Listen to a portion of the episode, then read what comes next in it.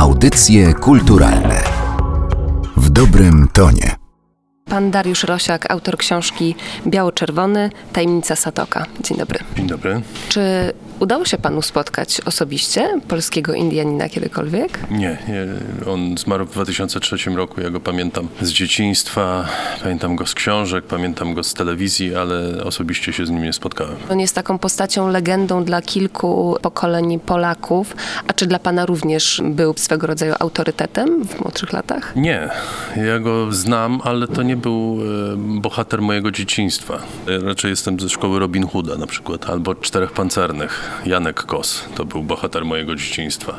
Potem Kazimierz Dejna to był bohater mojego dzieciństwa, ale nie Satok. Ja oczywiście znałem jego książki, czytałem i Ziemię Słonych Skał i Białego Mustanga, tak jak czytałem książki o Indianach, prawda? Chodziłem, oglądałem Winetu i czytałem Karola Maja. Ale tak jak mówię, to chyba nie była ta postać kluczowa, taka, która mnie formowała jako chłopaka. Z pewnością jestem z pokolenia ludzi, dla których historie z Indianami miały jakieś znaczenie. Teraz już właściwie i western jako gatunek, czy to literacki, czy filmowy, przestaje istnieć, a jeśli istnieje, to w formie zdekonstruowanej, prawda? Jak patrzymy na takie filmy jak Bez Przebaczenia czy Django, no to to są niby westerny, ale to są westerny zdekonstruowane. Owszem, w latach 90. było szaleństwo na punkcie tańczącego z wilkami. Mam kolegę, który był na tym filmie chyba z 80 razy. Ja nie.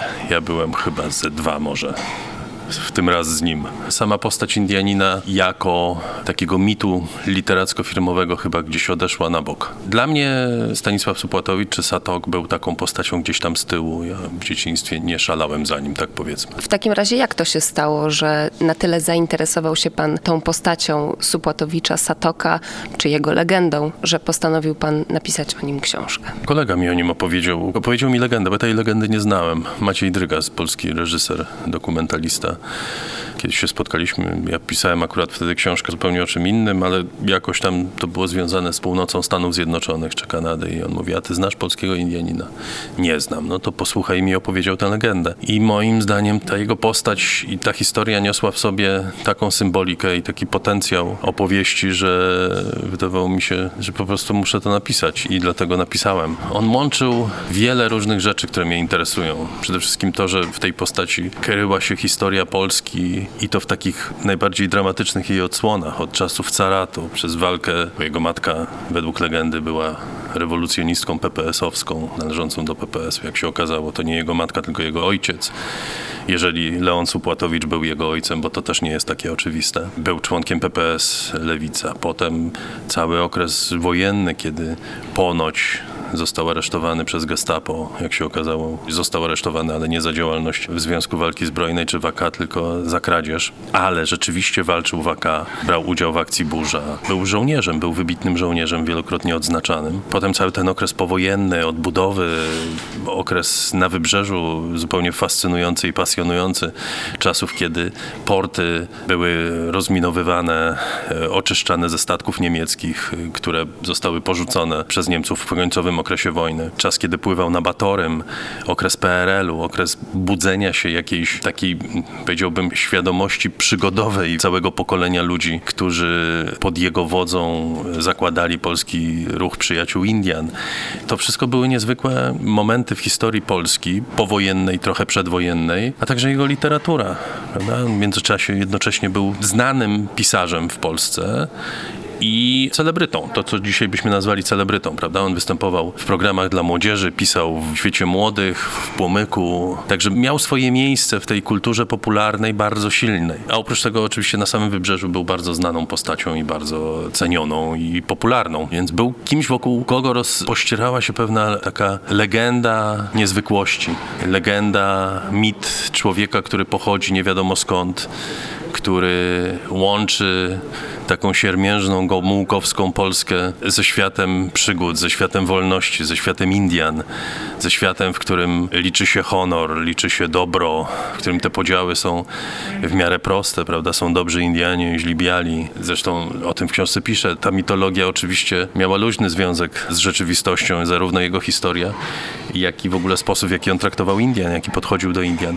No tym niemniej to było nieprawdopodobnie pociągające dla Polaków spragnionych tego typu wzorców, tego typu ideałów. I wydawało mi się, że to wszystko jest warte opisania, bo niesie gdzieś w sobie pewien potencjał opowieści nie tylko o historii tego konkretnego człowieka, która sama w sobie była fascynująca, ale można przy tej okazji opowiedzieć coś więcej o nas samych, o Polakach, o tym, jak szukamy mitów, jak obalamy mity, dlaczego niektóre z nich podtrzymujemy wbrew faktom, wbrew rzeczywistości, wbrew prawdzie, wbrew temu, co o nich wiemy, a inne z kolei obalamy. To jest coś, co wydawało mi się ważne i to nie tylko ważne w kontekście historycznym, ale w kontekście tego, co się dzieje w tej chwili w Polsce, jak sami na siebie patrzymy. Proszę powiedzieć, jak przebiegały prace nad książką? Ile czasu zajęła panu ta praca? Mniej więcej rok. O tyle dla mnie to było pewien rodzaj nowego, dlatego że bardzo dużo czasu spędziłem w różnego rodzaju archiwach. Wcześniej pisząc książki, czy to podróżnice, czy książki o Polsce również, czy o polskich bohaterach, to tak wiele czasu w archiwach nie spędzałem i tutaj było to rzeczywiście dosyć istotne i dosyć, powiedziałbym na początku przynajmniej frustrujące, no bo ja przyjąłem założenie na samym początku, że to, co on mówił w swojej legendzie jest prawdą, więc poszukiwałem rzeczy, które nie istnieją i dowodów na pewne historie, których się nie da znaleźć, bo one się nie wydarzyły. On nie przyjechał z Kanady do Polski, więc trudno było szukać, a przez sporo czasu spędziłem na przeszukiwaniu archiwów, nie wiem, MSZ-u albo archiwów akt nowych, jakiegokolwiek szukając sygnału czy informacji dotyczących, no właśnie, list pasażerów z Batorego przed wojną, czy jakichś administracyjnych dowodów na to, że być może byli repatriowani albo z Rosji, albo z Kanady, bo przecież takie listy istnieją.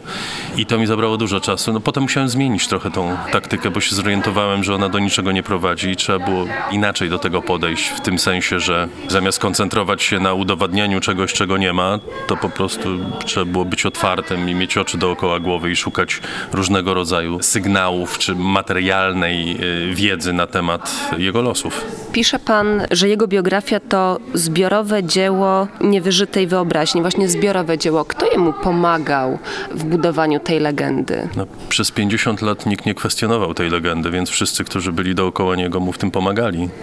To nie jest tak, że jakby ta legenda funkcjonowała poza zbiorem Polaków.